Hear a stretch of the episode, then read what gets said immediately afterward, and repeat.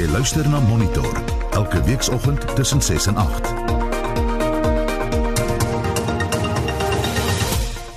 In die tweede helfte van ons program die Rooikruis se kruisgevangene protokol vier sy 150ste bestaanjaar. Ons praat met 'n oorlogskenner. Die hoog aangeskrewe rolprent Stam word vir die eerste keer vertoon. Wat is die storie van 'n kind wat verdwaal in 'n stad? Want ek is self 'n ouer en die gedagte dat 'n kind verlore is op hierdie strate van ons is vir my iets verskriklik ontstellend. Dis nie iets wat ek hoef te verbeel nie, dit gebeur by die honderde die hele tyd.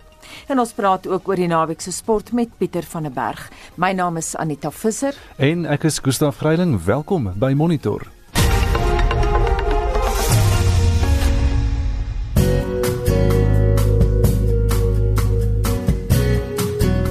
Die weer vir vandag, die 7de September, is uitgereik deur die Suid-Afrikaanse Weerdiens. In Gauteng net mooi weer, Pretoria word vanmiddag 27, Johannesburg word 25 en Vereniging 26 grade. In die Laagveld oggend miskolle, andersins mooi weer, 23 vanmiddag in Bombela. Dan in Limpopo, die Noordwes provinsie, die Vrystaat en die Noord-Kaap, alles mooi weer. Polokwane word 24, Mahikeng 28 Vryburg 29 grade, in Bloemfontein 27 vanmiddag, Kimberley 29 en Appington word 30 grade. Die Weskaap, mooi weer. Die wind is lig suidoos, dit word matig in die namiddag. 22 in Kaapstad en 19 in George vanmiddag waar dit bewolk gaan wees in die oggend, dit word later gedeeltelik bewolk. In die Ooskaap bewolk, dit word gedeeltelik bewolk. 20 in Port Elizabeth en 21 in Oos-London waar daar enkele oggendbuie en reën ook gaan wees. En dan in KwaZulu-Natal gedeeltelik bewolk. Dit word bewolk in die namiddag met enkele oggendbuie in Durban. Die wind is matig noordoos en dit word suid tot suidwes in die namiddag 24 grade vanmiddag in Durban, 26 in Richards Bay waar dit net mooi weer gaan wees en 27 in Pietermaritzburg gedeeltelik bewolk met tye, andersins bewolk met enkele oggendbuie. En dis die weer vir vandag uitgereik deur die Suid-Afrikaanse Weerdiens. Vir nog inligting kan jy gaan na hulle webwerf weathersa.co.za. Die finansiële aanwysers op moneyweb.co.za, die JSE se indeks van alle aandele sluit Vrydag 1,18% laer op 53879 punte. Uh en dan die indeks wat veld verloor het was die nywerheidsindeks 2,77% laer, goudmynindeks 1,77% laer.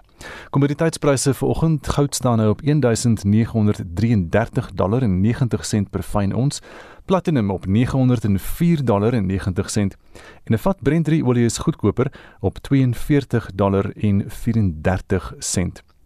Die wisselkoerse die rand teen die Amerikaanse dollar R16 en 59 sent, teen die euro is dit R19 en 69 sent en 'n Britse pond kos ver oggend R22 en 9 sent. En dis die finansiële aanwysers op monitor.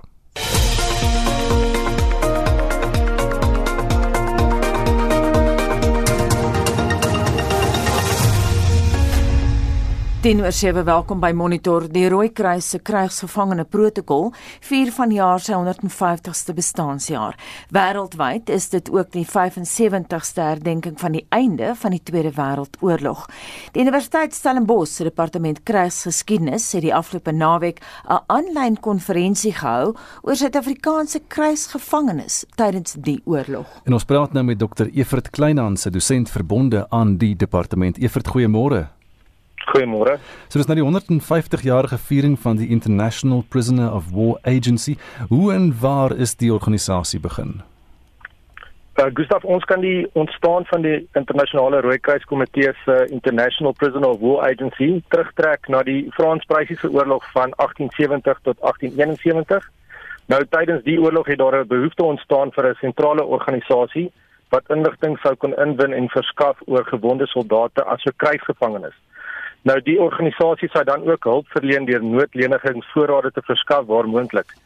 Die eerste organisasie het onder die dekmantel van die internasionale Rooikruis Komitee gefunksioneer vanuit Basel in Switserland. Nou die belangrikheid van die internasionale uh, die Prisoner of War Agency was eers werklik bevestig tydens die Eerste Wêreldoorlog. Na die uitbreek van die oorlog in 1914 het die internasionale Rooikruis Komitee die besluit geneem om 'n sentrale agentskap te stig in Genève in Switserland wat verantwoordelik sou wees om te help om bande te herstel tussen krygsgevangenes en hul gesinne. Later aan het die diens ook uitgebrei om help om te help met burgerlikes wat tydens die oorlog geïnterneer was reg oor die wêreld of wat in areas onder verhandelike beset vasgevang was of wat bloot net as vermis aangemeld was. Nou die agentskap was dus verantwoordelik vir 'n tracking en tracing diens van soort wat met behulp van indekskaarte opgestel was. So teen die einde van die oorlog in 1918 het die agentskap 'n database opgebou van nagenoeg 6 miljoen indekskaarte wat gehelp het om tred te hou met ongeveer 2.5 miljoen mense wat op een of ander manier deur die oorlog geraak is.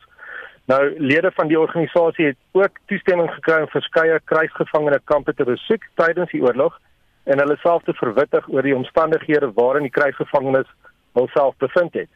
Na afloop van die besoeke sou die individue dan terugrapporteer oor die omstandighede in die kampe en indien nodig kon hulle dan politieke druk uitoefen op regerings om omstandighede in die kampe te verbeter.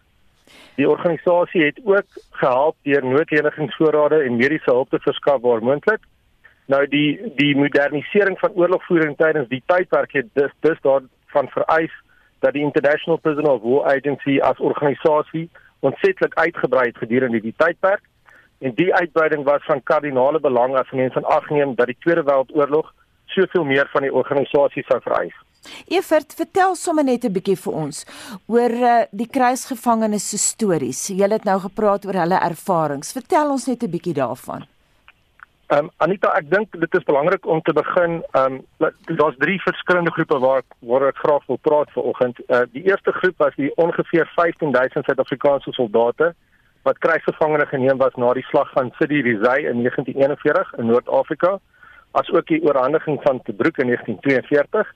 Nou die Suid-Afrikaanse manskappe was eers tydelik in die deurgangskampe gehuisves in Derna en Benghazi in Libië, waar hulle na meer permanente kampe in Europa verskuif was. So sommige van die Suid-Afrikaners was eers na kampe in Italië verskuif, maar ons het ook sommige soldate gehad wat opgeëindig het in krygsgevangene kampe in Duitsland. Dan is die tweede groep van belang vir ons die nagenoeg 100 000 Italiaanse krygsgevangenes wat tydens die gevegte in Oos- en Noord-Afrika gevange geneem was deur die geallieerdes en daarna in die Sonnewater krygsgevangene kamp aan die ooste van Pretoria naby Cullinan opgeëindig het. Na beraming was die Sonnewaterkamp ook die grootste geallieerde aanhoudingskamp wat gebou was gedurende die, die oorlog. En dan die laaste groep was die paar duisend Suid-Afrikaners en uitlanders wat aangehou was in die interneringskampe in Suid-Afrika tydens die oorlog. Die meeste van die lede van die groep was geklassifiseer as politieke gevangenes en 'n groot aantal was ook aktiewe lede van die Oswald brandwag. Die groep is bewaar in vyf kampe, naamlik Jagersfontein, Koffiefontein, Baviaanspoort, Leeukop en Andalusia. Nou, tydens die die oorlog het die International Prisoner of War Agency 'n belangrike rol gespeel in elkeen van die voorgenoemde groepe se tydperk agter doringdraad. Die organisasie het weer eens gehelp om kontak tussen der duisende krygsgevangenes en geïnterneerdes en hul families te bewerkstellig. Die internasionale Rooikruis komitee het ook gehelp om duisende noodledigingspakkies en mediese voorrade te verskaf gedurende die oorlog wat vir talle krygsgevangenes en geïnterneerdes broodnodige broodnodige verligting gebied het. Die organisasie het ook weer eens talle krygsgevangene en interneringskampe besoek, asook die in Suid-Afrika om hulself te verwittig oor die kampomstandighede. En die die internasionale Rooikruis komitee het ongelukkig ook onder groot uh, kritiek verkeer tydens en na die oorlog oor hul gebrek aan optrede namens die slagoffers van die Holocaust en ander vervolgde groepe. Ehm um, Evert, die, die Italiaanse krygsgevangenes, hoe lank was hulle hier gewees en watter rol het hulle in Suid-Afrika gespeel? Op Gustav, hulle was ehm um, omtrent van die einde van 1941 af ehm um, tot omtrent 1947 ehm um, in Suid-Afrika geïnterneer, was aangehou en ehm um, hulle het uh, hulle was ja in sondewater aangehou en hulle het ook ehm um, baie gehelp met ehm um, bouprojekte reg oor hmm. Suid-Afrika en hulle het ook gehelp op van die plase in veral in die Hoofveld. En daar's ons baie stories van 'n uh, Suid-Afrikaanse tannies wat uh, verlief geraak het ook op van hierdie jong Italiaanse mans wat op die plase gaan werk het. En hulle het soos bergpasse gebou dink ek. Mm. Hulle het bergpasse gebou. Hulle was be, hulle was betrokke by baie verskillende uh, bouprojekte van passe na tonnels. Um mm. ja, reg oor Suid-Afrika. Sê vir my, hoe belangrik is hierdie anekdotale stories want dit is tog stories van ons volk ook. Jy praat nou van die tannies wat so verlief geraak het op die Italianers. Baie belangrik om daai anekdotale geskiedenis nog te kry, maar mense sterf uit. Ehm um, verseker Anita en ek dink dit is 'n groot leemte in die geskiedskrywing hier in Suid-Afrika. Ehm um, die ons het regtig die kans gemis in Suid-Afrika om om werklik waar onderhoude met hierdie krygsgevangenes te voer uh, na die oorlog. En en daai kans is nou heeltemal verby want meeste van die veterane is alreeds oorlede mm. en nie veel van hulle het um, juis memoirs geskryf na die oorlog nie. So dit is dit is tragies, maar daar is tog gelig in die tonnel want 'n mens kan altyd terug kan um, teruggaan na die argief toe en en die legkaart weer probeer aan mekaar sit. So van dis baie belangrik vir ons as Suid-Afrikaners om melding te ag om um, kennis te neem van die, van die die departement van verdediging se argiefbewaarplek in in Pretoria. Nou daarso is daar duisende bokse vol inligting hm. oor die Suid-Afrikaanse krygsgevangenes en dan daar ook uh, baie dokumente in Brittanje en dan natuurlik by die Rooikruis Komitee se argief in Genève in Switserland is daar ook baie dokumentasie oor oor ons krygsgevangenes. Um so so al is daar groot leemtes in ons geskiedskrywing, is dit moontlik om om die leemtes nog steeds um om aandag te gee aan dit in die in die in die aanloop na die 100-jarige viering van die van die van die Tweede Wêreldoorlog toe. En is daar mense wat werk maak daarvan wat deur daardie dokumente gaan en gaan sif en gaan kyk? Um Gustav, dit is 'n dit is 'n 'n uitdaging wat ek graag daar wil sit aan enige jong hmm. jong historikus in Suid-Afrika. Daar daar is uh, verskriklik baie inligting wat mense kan opspoor en ek dink die grootste leemte tans in Suid-Afrika is die feit dat ehm um, die meerderheid van die van die aandag was basies ehm um, geskroei op die die blanke Suid-Afrikaanse soldate wat as krygsgevangenes geneem is tydens die oorlog maar daar was ook duisende uh, swart kleerling en Indiër Suid-Afrikaanse soldate wat ook krygsgevangenes was. En hulle storie is nog glad nie ehm um, nog nooit regtig opgeteken nie. En en en ek dink uh, dit is eintlik uh, dit is tragies dat dit nog nie gedoen is nie. Ek wil nou terugkom Evert na die verliefde tannies en die Italianers toe. Jy weet daar's nog so baie Italianers hier in Johannesburg. Ek dink nou aan die Bozzolis byvoorbeeld, mense wat gekom het tydens die oorlog hier oorgebly het. Ek meen restaurante in Johannesburg wat behoort aan Italiaanse families wat gekom het en baie baie baie goed geïntegreer het. Behalwe nou vir die verliefde tannies, oor die algemeen, hoe was die verhouding tussen die Italiaanse krygsgevangenes en die Suid-Afrikaners? Ek dink um, dit was oor die algemeen baie goed. Die die bevelvoerder van die Sonnewater kamp, kolonel Prinsloo, was baie hoog geag deur al die al die Italianers wat daar um krygsgevangene was en die Suid-Afrikaners het ook um vir die Italiaanse krygsgevangenes uh, baie geleenthede gebied om hulle self te verbeter in terme van onderrig en opvoeding. Baie Italianers het hulle matriek kwalifikasies ook in Suid-Afrika bekry tydens die oorlog en ek dink hulle het oor die algemeen 'n um, goeie verstandhouding met mekaar gehad. Die die Italiaanse krygsgevangenes wat op die plase ook gaan werk het, het baie goeie uh, verhoudinge opgebou met die plaaslike gemeenskap. Soms was dit ook uh, romanties van aard en was daar kinders um, ook betrokke en um, die die departement van verdediging se argiefbewaarplek het al baie uh, talle navrae gekry van uh, kinders wat uh, nooit regtig weet het wie hulle pa was nie, uh, maar wat uh, so langs die pad gehoor het dat dit dalk 'n Italianer was. So um, daar's baie sulke stories um, ook daar buite. Jy het dus gepraat van van die lede van die Ossewa brandwag wat ook in interneringskampe aangehou is. En um, dis 'n interessante plaaslike politieke dinamika, né? Ja, yes, verseker. Ehm um, ons het Vrydag ehm um, ons het tydens ons seminar uh, juist daaroor gepraat Nou ehm um, die amptelike getalle is nog nooit reg beskikbaar nie. Dit is daar buite as jy bereid is om te gaan krap in die argief, maar daar was 'n uh, eh, versekerde hele paar duisend ehm um, lede van die Oswald brandwag heel moontlik geïnterneer en ehm um, van hulle was vir korter tydperke geïnterneer en dan van hulle was ook vir langer tydperke geïnterneer. Maar ehm um, dit het versekerde 'n groot impak gehad op op die op die lede van die Oswald brandwag en natuurlik hulle families ook want hmm dit was soms die broodwinners van die gesinne wat dan geïnterneer was. So die Oswald brandwag as 'n organisasie het dan ingetree en en die die die gesinne probeer help gedurende die oorlog. En is daar families wat uitmekaar geskeur is as gevolg van daardie hele proses? Ek sou so glo dis of ek uh, ek is nou nie so groot kenner daarin hmm. maar ek sou ek sou glo die die um, enige enige iemand wat geïnterneer is of 'n krygsgevangene was vir 'n lang tydperk is daar 'n groot kans dat dit jou familielewe ook sou beïnvloed. Evert as jy nou so terugkyk na die naweek en waaroor jy alles gesels het, was daar iets wat jou verbaas het? Anita, um, ons het uh, ons is gelukkig dat ons 'n uh, 'n uh, klomp diverse uh, geskrifte gehad het of of aanbiedings gehad het van uh, van Brittanje af en van in Suid-Afrika en en en, en reg oor die wêreld maar ek dink ehm um, wat ons wel almal ooreengestem het is dat daar nog soveel ehm um, kanse is of geleenthede is vir ons om nuwe aspekte van die hele krygsgevangenes uh, ervaring aan te spreek.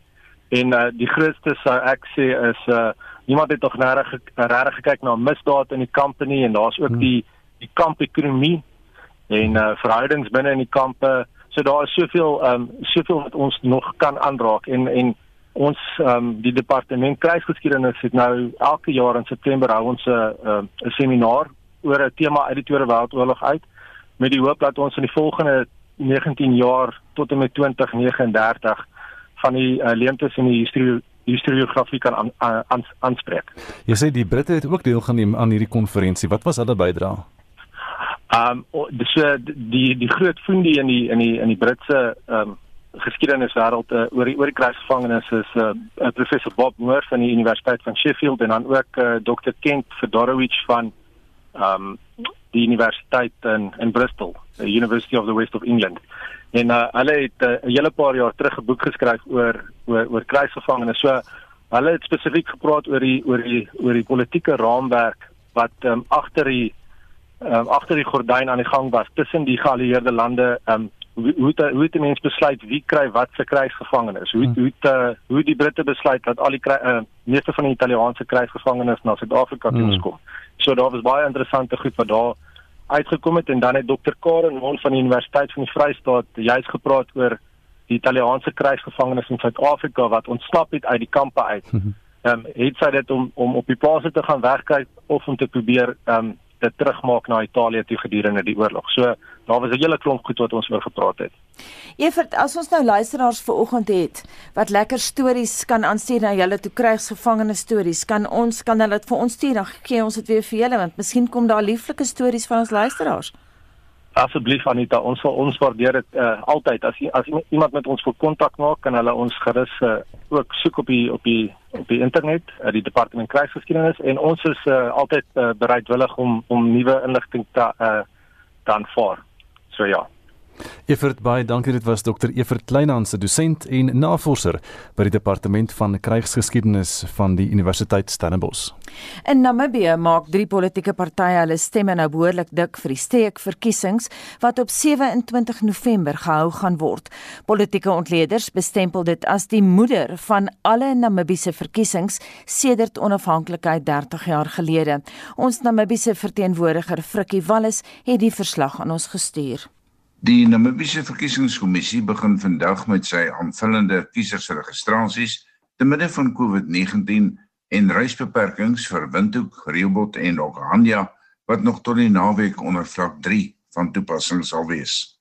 Die hoofverkiesingsbeampte, Theo Majoro, het die naweek gesê dat die aanvullende registrasies tot volgende maandag aand gedoen sal kan word. Dieselfde riglyne as by banke en ander instellings sal gevolg word en hy het gewaarsku dat dit 'n tydsame proses mag wees. Die nuwe IPC party van Dr Panduleni Itula wat vrede naweek in Narrowville by Walvisbaai gestig is, Independent Patriots for Change, is volgens die politieke ontleder professor Nico Horn een van 3 wat sake vir SWAPO deurmekaar gaan krap. Die streeksverkiesings in Namibië gaan waarskynlik van die interessantstes in die hele Namibiese geskiedenis wees. Nie net het ons drie nuwe partye wat uh die verkiesing gaan veg nie, maar ook 'n geweldige belangstelling onder die ou Afrikaner bevolking vir twee redes. Die een is dat die ehm um, nuwe party van Dr Itula uh baie sterk aanklank vind by die Afrikaners. Hulle noem dit die Independent Patriots for Change. En die vergaderings word deur geweldig baie jong mense ook bygewoon. Dr. Itula is ook die persoon wat 29% van die stemme as 'n onafhanklike tydens die algemene verkiesing gekry het. Die verwagting is dat sy ehm um, gewildheid onder die bevolking en veral dan nou die middelklas mans in die toekoms geweldig sal groei. Sy basiese beginsels is maar een van skoon regering sonder om veel beloftes te maak, maar ook om te sê dat daar geen diskriminasie in Namibia behoort te wees van enige aard nie. Die tweede groep is 'n groep wat reeds ses setels in die parlement het, die sogenaamde Landless People's Movement onder leiding van 'n uh, voormalige meestersgraad student van die Universiteit van Namibia, Bernardus Swartboy. Nou hulle is ten gunste daarvan dat groot gedeeltes van die suide, hulle is veral in die suide baie sterk en word daar sterk verteenwoordig. 'n Groot deel van die suide teruggegee moet word aan hulle oorspronklike eienaars.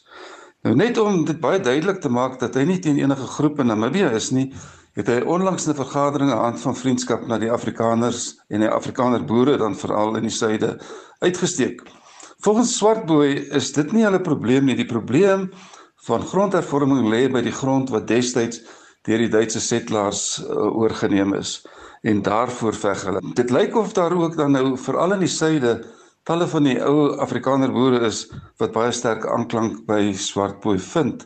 Hy het ook 'n baie goeie vertoning gelewer tydens die parlementsittings. Hoewel 'n bietjie wild en soms die uh, parlement vertraag en ook selfs stopgesit, maar in terme van hulle redenering en die manier waarop hulle aanklank by die algemene publiek gevind het, het hulle baie sterk na vore getree. Die derde groep is 'n groep wat ons lankal by ons het. Hulle noem hulle self affirmative reposition uh, onder die leiding van nog 'n UNM jong uh, senior lector Dr. Job Amopanda. Hulle is ten gunste daarvan dat meer stedelike grond aan jong mense en dan veral jong swart mense oorgedra moet word. Dr. Amopanda en sy mense kom natuurlik uit die Swapo party uit, baie bekend daar en ehm um, Daarom kan 'n mens verwag dat hulle ook waarskynlik groot aantrekkingskrag vir die verkiesing sal wees. Dit is ook baie duidelik en altoe die partye maak dit duidelik dat affirmative reposition en die landless people's movement nie teen mekaar is nie omdat hulle vir twee verskillende groepe mense ehm um, aantreklik is. Professor Nico Horn van Windhoek. Meer as 4000 registrasiepunte is van vandag af in Namibia aangebring. Ek is Frikkie Wallis op Swakopmund. In 'n verrassende aankondiging gisteraand op NBC TV het SWAPO 'n wysiging aan sy grondwet aangekondig dat lede van die party wat in die toekoms as onafhanklike kandidaate wil staan, uit SWAPO geskort sal word as hulle sou registreer. Dis nou 729. Jy luister na Monitor elke weekoggend tussen 6 en 8. Die jongste nuus gebeure fase 1 beurtkrag tree om 8uur in werking en van 4uur vanmiddag sal fase 2 toegepas word tot 10uur vanaand. Die DA gaan vandag die media toespreek oor sy beleidskonferensie die afgelope naweek. En die EFF sê sy lede wat by Clicks werk sal hulle takke sluit as Clicks dit nie self vandag doen nie bly by ons. Daar is geen verkeer. Ons kyk na die verkeerssituasie in KwaZulu-Natal. Daar's 'n botsing op Milky Way. Daar is so 'n pad. Milky Way en Ou Richmond in KwaZulu-Natal. In Irene, suid van Pretoria, is daar so 20 minute vertraging op Nel Mapies ry dan tussen die R21 en Hoofweg en dan in Kaapstad is daar 'n botsing op die R300 suidwaarts na Stellenbosch uh, arterial. Die regterbaan daar is versper. Johannesburg staan 'n voertuig op die N1 suidwaarts na Maresburg en die linkerbaan daar is versper. As jy weet van enigiets anders, dan kan jy vir ons 'n SMS aanstuur na 45889 en dit kos R1.50. Gustaf, jy wat nou so sê daar is wel 'n Milky, Milky Way. Way. jy het verlede week was dit in Durban toe wat het jy gepraat van 'n Quality Street? Daar's 'n selfe plek. Ja, dit is waarskynlik 'n kruising van Quality Street en Milky Way. Weet jy miskien met ons enig op die SMS lyn vra vra oor uh, dorpe se straatname, interessante ah. straatname en so aan. Maar nou eers kry Estie 'n spreekbeurt. Estie oor na jou. Anita, kom ons luister wat van ons luisteraars sê. Geboorte ons al jaar terug geken gekry het. As ons land is 'n totale mense wie bang is om om aan te leer nie. Maak se makliker vir hulle die persoon. En as jy met 'n dooie persoon praat, kyk vir die persoon, hy praat, lees op betaal, moet jy wegkyk nie. As dink hulle is kan van hulle en ehm um, dis absoluut moet. Ek dink dit is nog iets goed as dit kan aangeleer word en ek sal graag wil deel uitmaak vir die opleiding om te leer hoe om die taal te kan uitbeeld want ek werk by afdrie oor met ou mense en soms as ek in die jag en ek dink dit is 'n goeie manier hoe om mense die jong mense kan benader want daar is min in die gemeenskap soos by ons met gebaretaalkinders kan werk. So ek sal dink dit is 'n goeie idee as jy 'n opleiding kan kry om dit te kan doen.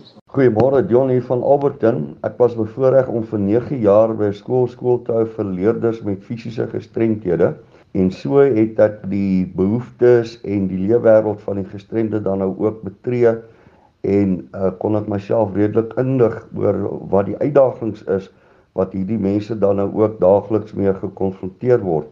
Kommunikasie is een van die sleutelpunte van daaglikse oorlewing want hoe kommunikeer jy jou behoeftes en wat jy wil hê en wat jy nodig het? Ek dink nie dit is belangrik om te vra of gebaretaal deel moet wees of erken moet word as 'n amptelike landstaal nie. Ek dink die vraag moet wees wanneer gaan dit gebeur? Mariaan Buys sê ek is gehoor gestremd, het eers op 35 my gehoor begin verloor. Gelukkig was my spraak reeds gefestig. Ek dra gehoorapparate, maar daar is baie uitdagings. Gedwonge vroeë aftrede want meeste poste vereis goeie kommunikasie, selfs administratiewe poste. Telefoonkommunikasie is baie moeilik as persone nie mooi duidelik praat nie. Dan praat ek nie eens van maskers nie.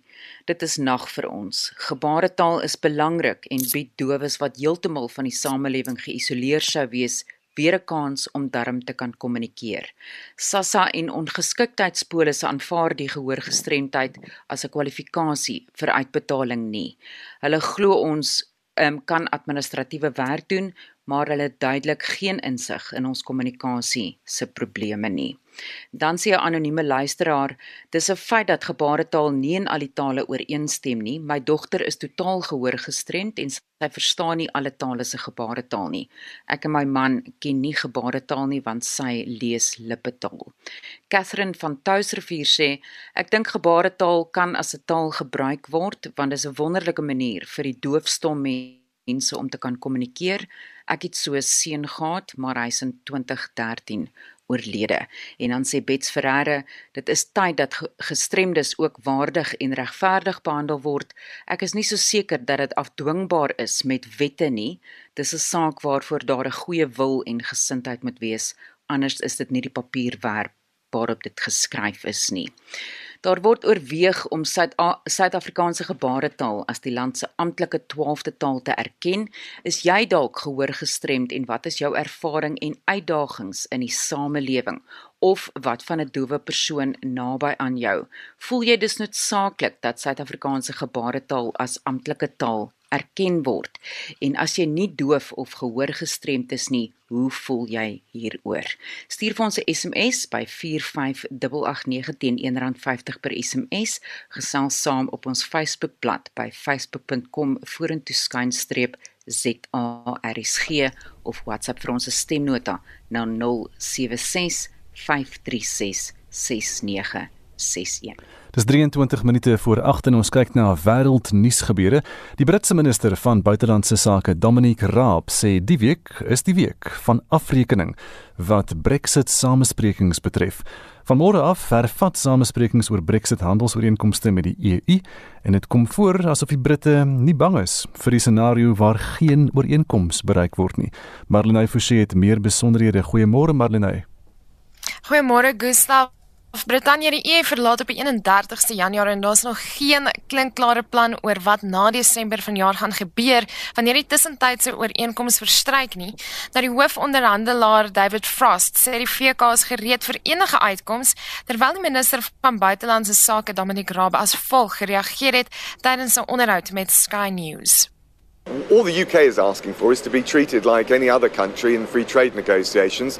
Um, no other country would accept being bound by or controlled by the EU's rules, or indeed in their relations with any other country. Indeed, the EU wouldn't accept it in relation to us. I think that's just straightforward point of principle. Dit was die Britse minister van buitelandse sake Dominic Raab. Nou die Verenigde Koninkryk weier om bes te gee oor twee kwessies. In die eerste plek sy eise wat vissery betref en in die tweede plek dat Brittanje autonomie verkry wat staatsel betref. Ons verskuif dan die aandag na die uh, ooste waar die tifoon Haishin op pad is na Suid-Korea en dit nadat duisende mense hulle wonings in Japan moes ontruim.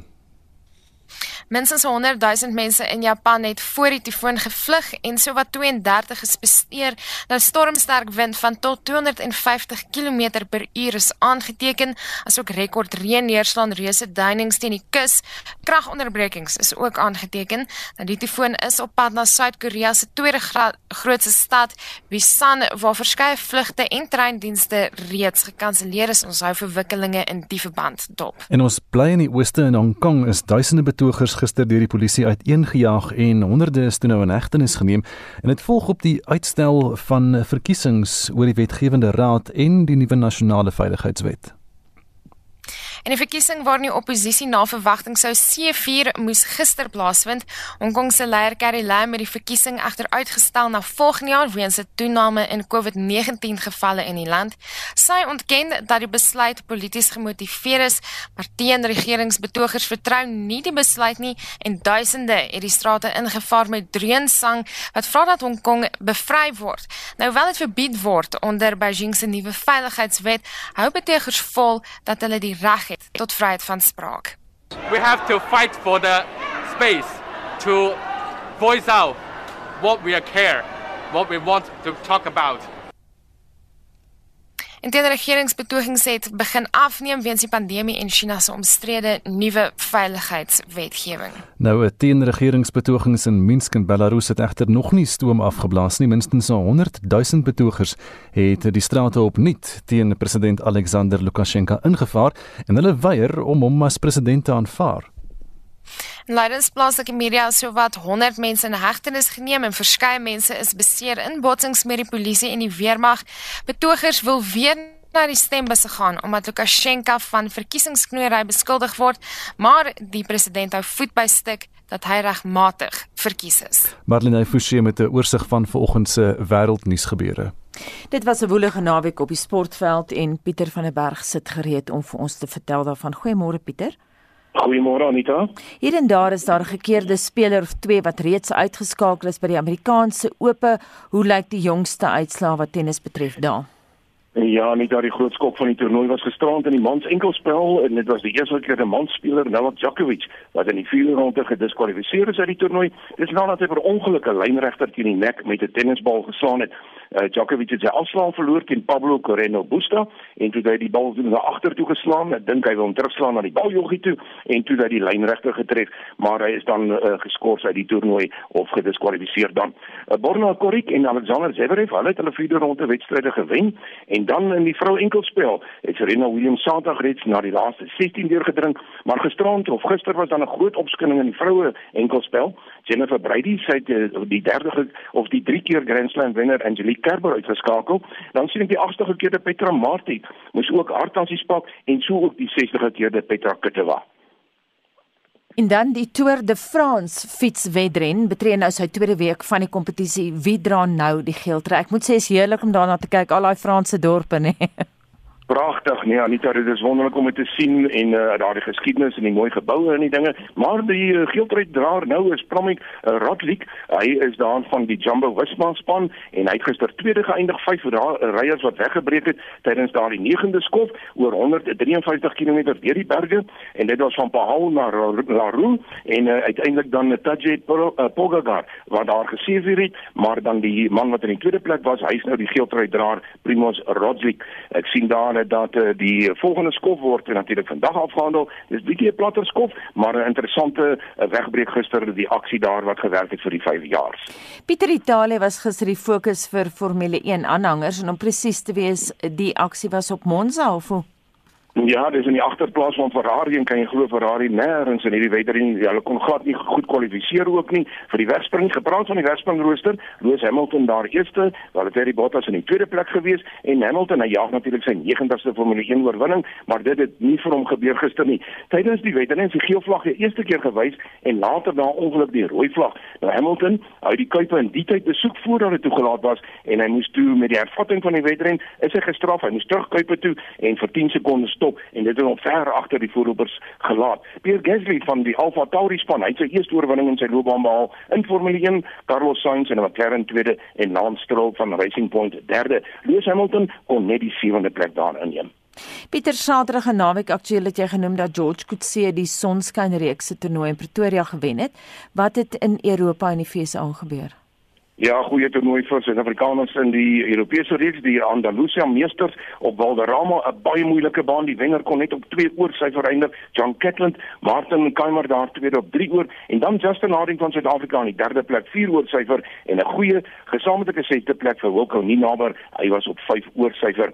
En in Amerika dan natuurlik die 30 topspelers in die FedEx Punteleer wat sake uitspook in die PGA se toerkampioenskap daar in Atlanta. Die derde ronde gisterand Suid-Afrikaanse tyd afgehandel. Dustin Johnson Hy is nou sommer 5 houe voor. Hy's op 1900 syfer na uitstekende 64 in die uh, derde ronde met Xander Joffele en Justin Thomas. Hulle is op 1400 gesamentlik tweede.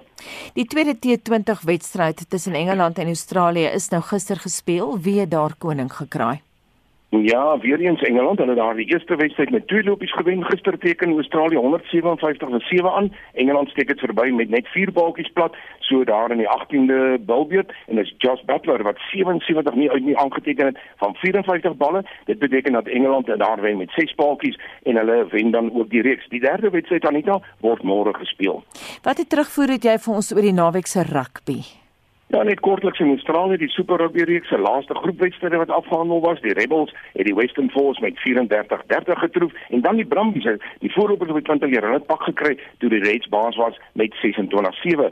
En dan in die Europese Pro 14, is dit Leinster wat se Munster geklop het 13-3. daarmee het Leinster hulle plek hier in die eindstryd bespreek en ek sien Ulster het 'n wegoorwinning van 22-19 oor Edinburgh behaal. En in die Engelse Premier League was daar oorwinnings vir Gloucester, Sale Sharks, Bath asook vir Wasps. En dan moet ons net vinnig loer na die Seerald se Noord-Suid wedstryd Saterdag. Dis die eindtelling 38-35 in die guns van die Suideilande en gister is die All Black groep aangewys en daar is uh, sewe nuwelinge in hierdie groep van die All Blacks. So vir ons ten slotte die naweek se sokker uitslaa op asseblief Pieter. Ja, die laaste Premier League wedstryde, ag wedstryde Saterdag beslis, maar Mamelodi Sundowns, hulle het vir die derde seisoen in 'n ry die kampioene geword toe hulle 'n 3-0 oorwinning oor Black Leopards behaal het. Dan in die UEFA se Nasies Liga is 10 wedstryde gister gespeel, twee van die belangrikste uitslae vir my Switserland en Duitsland 1-1 en Spanje, het Oekraïne geklop met 4-0 en dan vanaand se groot wedstryd Anita is tussen Italië en Nederland. Baie dankie, dit was dan Pieter van der Berg van RC Sport. Dis nou 13 minute voor 8 en die ironie is dat Suid-Afrika se grondwet as een van die mees vooruitstrewendste in eh, die wêreld gesien word, maar ondanks die wetlike beskermingsmeganisme is daar 'n toename in seksuele geweld. Die direkteur van die Mamu Eiendomsgroep, Jolanda Mia, het dit onlangs op 'n webinar gesê wat deur die 1000 Women Trust aangebied is. Die spanleier en 'n trustee van die trust, Tina Tiart, skets hoe hulle werk. Ons het in 2003 begin om gereeld vroue te mobiliseer om op te staan teen gesinsgeweld. Ons het nie eintlik personeel nie, so ons is 'n hele paar ambassadeurs wat saamwerk en omdat ons nou in lock is, het ons heelwat mense wat elke dag saam met ons werk as volunteers. Tina, het die geslagsgeweld fenomeen toegeneem tydens die Grendeltydperk? Ons het ons eie opname gedoen en gevind dat 61% van die vroue wat deelgeneem het aan ons opname het gerapporteer dat hulle gesinsgeweld ondervind het. Ons het toe daarna weer 'n klein opname gedoen om te sien wie van hulle het gaan rapporteer by polisie of by die GBV helpline en uitgevind dat net so 20% van hulle gerapporteer het. Ons verdere inligting is dat dit meestal verbale geweld was en dat daar baie sulke gevalle is wat gerapporteer is deur die vrouens en deur die jong mense.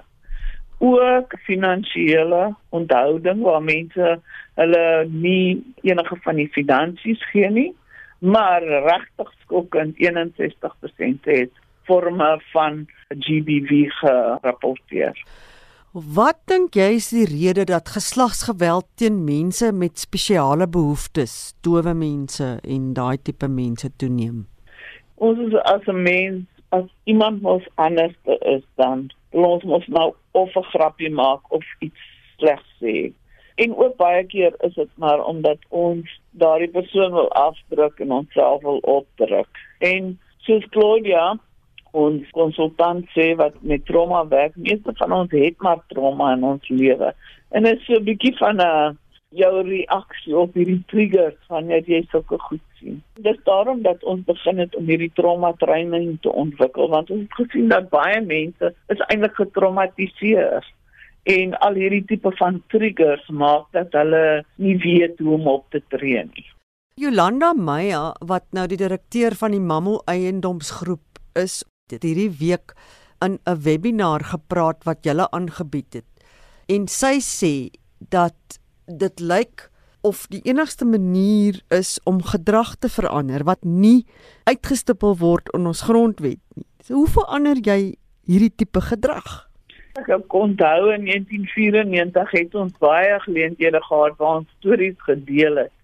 En mense het gesê jy kan nog in jou gedagtes baie goed dink, maar jy moet jou optrede, jou woorde wat jy gebruik en die manier waarop jy met mense praat, moet jy verander. En ek dink dit is stap 1 dat jy in jou gedagte moet vang dat dit 'n uh, issue is waarmee jy sukkel en dan moet jy net begin om jou optrede en jou woordeskat te verander want dit is hoe jy dan jouself mee sal praat as ek dit so kan sê, jy gaan jouself vang dat jy dit kan doen. Een van die goed wat ons baie aanmoedig, is die storie vertel. As mense hulle storie vertel, dan inspireer dit ander mense om ook te praat. En dan weet kan jy as die persoon wat die storie hoor, jou eie optrede vang. Jy kan lees hoe jy daarin is. En dit motiveer baie baie mense om op te staan vir regte en om iets aan hulle eie situasie te doen en om dan te dink hoe tree jy op teen mense wat anders as jy en baie keer is dit as jy eers met iemand in 'n kantoor werk wat byvoorbeeld blind is dit was my een van die grootste lesse want ek wou hulle altyd help En hulle het altyd vir my gesê, "Onthou ek is net blind. Ek kan al die ander goed doen. Jy hoef nie vir my met die ander goed te help nie. Ek is net blind." En jy leer so baie as jy mense se stories deel. Tina Tiart is die spanleier by die 1000 Women Trust wat met Mitsi van der Merwe gepraat het.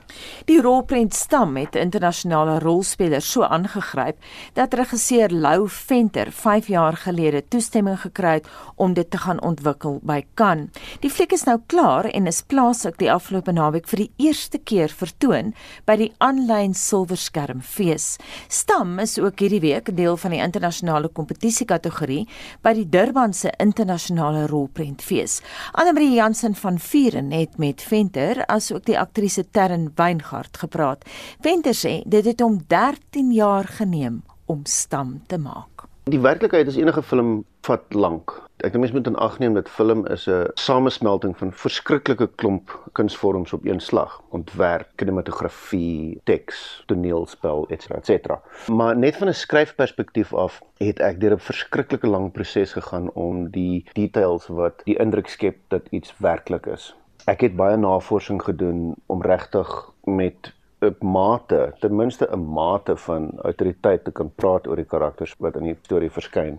Byvoorbeeld Chantal die ma wat op die straat lewe. Ek het baie tyd op die straat gespandeer met mense gepraat wat op die straat bly. Ek het ouens met hulle trollies wat die karton en so aan versamel. Hulle hele reis gevolg en geplat van die middestad af tot in Dieprivier waar die herwinningsfasiliteite is. So dis een aspek daarvan. Die ander aspek daarvan is hierdie is nie 'n maklike kommersiële film om te maak nie. So vir baie lank soek mens geld en uiteindelik was ek baie gelukkig om vir 'n deel van die Kaanfees in 2015 gekies te word wat hulle noem Atelier waar ek en my vervaardiger Elias Ribeiro oorseese partners gaan kry het. So ons het co-producers in Holland en vervaardiger in Frankryk, 'n salesagent in Duitsland, ens. ens. En al die dinge vat maar net tyd. Darren Lou het met hierdie fliek 'n ander sy van Kaapstad gewys. Hoe lyk hierdie Kaapstad wat ons sien in die fliek? Ek dink as mense aan Kaapstad dink, dink hulle aan die strande en die mooi berge, maar Lou het gefokus veral op die mense. Hy het die broosheid en ook nie die Dis 'n bietjie vuil as ek dit kan sê. Dis 'n vuil, vuiler Kaapstad. Ja, maar 'n plek vol hart en 'n plek wat ontsettend menslik is. Ek speel 'n verpleegster wat graag 'n familie van haar eie wil begin om 'n kraamkliniek betyd te bring. Ek dink dit was baie belangrike deel van my proses. Ek het 'n pasgebore baba gesien en ek het net ervaar hoe spesiaal dit is en hoe spesiaal dit vir Samia sou wees want sy wil natuurlik 'n familie van haar eie hê. Ek het ook tyd deurgebring in 'n staatshospitaal, so 4uur 5uur die oggend. Dit is natuurlik die spitstyd van die noodgevalle en steekwonde, so ek het 2 of 3 dae daar gesit en net die ritme en die energie van die plek geabsorbeer. Ja, daai hele wêreld. So dit was ook 'n belangrike deel van my proses. Ek hou van navorsing. Nog voor jy begin het met die navorsing, waar en hoe is die saadjie vir Stam se storie by jou geplant? Ek was in 'n realiteitsprogram gewees jare jare terug. As deel daarvan het ek wel willendheidswerk gedoen vir 'n organisasie in Kaapstad met die naam My Life Foundation. En die organisasie het straatkinders gehelp wat op die strate van Kaapstad was, haweloos en ouerloos rondgedrentel het en hulle daai kinders gehelp. Dit is daar waar ek blootgestel is aan die onsigbare wêreld op die strate van Kaapstad en ek het baie baie betrokke geraak en blootstelling gekry van wat eintlik aangaan op die strate van Haweloos, veral kinders. Dis 'n hmm. verskriklike wrede wêreld, dis 'n verskriklike meedoenlose, onvergewende wêreld wat baie misbruik insluit, baie mishandeling, ook geweld deur die polisie, geweld deur privaat sekuriteitsmaatskappye want daar is instansies wat regtig hard werk om daai wêreld onsigbaar te hou. En ek was genoodsaak om 'n storie daaroor te vertel en dit is waar die aanvanklike storie van Jonah begin het, die seentjie. Wat is die storie van 'n kind wat verdwaal in 'n stad? Want ek is self 'n ouer en die gedagte dat 'n kind verlore is op hierdie strate van ons is vir my iets verskriklik ontstellend. Dis nie iets wat ek hoef te verbeel nie, dit gebeur by die honderde die hele tyd takes a village to raise a child sê hulle maar ons village draai meeste van die tyd sy collective rug op die kinders. Gewoonlik kyk 'n mens 'n fliek om te ontsnap van die werklikheid, maar met stam konfronteer jy ons eintlik met die werklikheid. Ja, jy weet Anna Marie, ek is nou al in ek weet nie hoeveel flieks nie, 25 26 flieks op hierdie stadium. Die meeste van die films wat ek in was tot dusver is vermaaklikheid en is ontsnapping en so en dit is fantasties. Maar om 'n film te maak en te skryf is baie moeite en is baie pyn en is baie tyd. En ek voel dat film is nie net vermaak nie, film is ook kuns. En kuns het 'n belangrike rol in ons samelewing. As mens kyk na al die geld en al die infrastruktuur en al die tyd wat dit vat om 'n film te maak, voel ek amper dis my verantwoordelikheid om ook lig te werp op sosiale issues om bydra te maak aan die samelewing om 'n gesprek oop te maak. Maar dit is ironies genoeg ook die tipe van sinema wat ek geniet. Ek hou van films wat mens uitlok om verder te dink, om dieper te kyk. En so sê die regisseur Lou Venter en aktrise Terren Weingart het ook daar gepraat. Hulle is van die rolprent Stam en Anne Marie Jansen van Vuur en net daardie onderhoude met hulle gevoer. Daar is geen verkeer. En ons kyk wat gaan aan in die verkeer in hierdie stadium nog in Johannesburg op die N3 noordwaarts. Daar is 'n voertuig wat staan en 'n botsing by die Elands wisselaar swaar verkeer van Spruit View se kant af. 'n Kettingbotsing op die N1 noordwaarts na die Malibongwe wisselaar. Die regterbaan is daar versper en so af die skouer na die regterbaan het gematamlik stadig daar verby vanoggend. Die ongeluk op die N1 dan noordwaarts na Malibongwe. In Paulshof is die verkeer baie swaar op Witkoppenweg tussen St Pieters Skool en Stonehaven en is dalk ook deel van daardie kwessie daar op die eh, op die N1 En dan staan daar 'n voertuig, lyk soos 'n bus wat staan op die N1 noordwaarts na die Ellendale weg afrit. Die linkerbaan daar word geraak daardeur. In Kaapstad die N2 uitwaarts by Victoria, daar is vertragings, dit gaan tamelik stadig daar volgende en dan Durban die N2 noordwaarts swaar verkeer tussen Prospecton en die Chatsworth uh, uh, uitgang of die afrit daar as gevolg van 'n botsing op die M4 noord. Ook taamlike druk verkeer Modderfontein weg in Johannesburg weswaarts tussen Bontebok Laan en Casino Straat taamlik stadig daar volgende. As jy weet van enigiets anders, dan uh, kan jy ons laat weet, maar dit is die einde van die verkeer vanoggend, so dit gaan nie veel help nie. Dis ons verkeer vanoggend hier op monitor. Ons het daarom nog tyd vir laaste SMS'e. Is dit jy die vloer? Anita, een van ons luisteraars sê op ons SMS-lyn, ek is hardhorend, het net 25% gehoor en dis nie altyd maklik om in 'n gehoor te wees nie. Mense dink jy ignoreer hulle, maar jy kan hulle net nie hoor nie. Ek dink dis 'n groot wen vir gehoorgestremdes. Cornelia skryf, mense steur hulle nie aan my as ek vra, kyk asseblief vir my as jy met my praat nie sal hulle gebaretaal aanleer. Marie laat weet my pa was doofstom. Vingertaal is baie beter en meer leesbaar en verstaanbaar as gebaretaal. Ek kan nou nog op 80 jaar vingertaal praat, maar gebaretaal is onduidelik. Die stel van Pieter Maritzburg sê ek is gedeeltelik doof en sukkel om flieks en ander programme op TV te volg. Kan hulle asseblief subtitels op TV gebruik? Ek sukkel om mense met maskers te hoor en sal graag gebaretaal wil aanleer. Baie dankie vir julle terugvoer vandag. Marlene, jy lyk die dagboek vir Spectrum later. Die DEA maak meer besonderhede oor die uitkoms van sy beleidskonferensie bekend en die EFF wil alle Clicks-winkels dwing om al deure te sluit, maar die groep sê werksamehede sal voortgaan en by die staatskapingskommissie word daar vandag getuig oor beweerde korrupsie by Eskom. Die voormalige bestuurshoof sê Diso Matona, 'n onafhanklike konsultant, Nicholas Lenel, is in die warm stoel. Ons groet namens ons waarnemende uitvoerende regisseur en ons redakteur vir oggend Wessel Pretorius. Die produksieregisseur was Lewona Bekes. My naam is Anita Visser. Bly by RSG vir praat saam volgende met Lenet Fransis Spuren. Ek is Koos van Vreiling en mooi bly tot môreoggend om 6:00. Esai Kahnis, onafhanklik, onpartydig.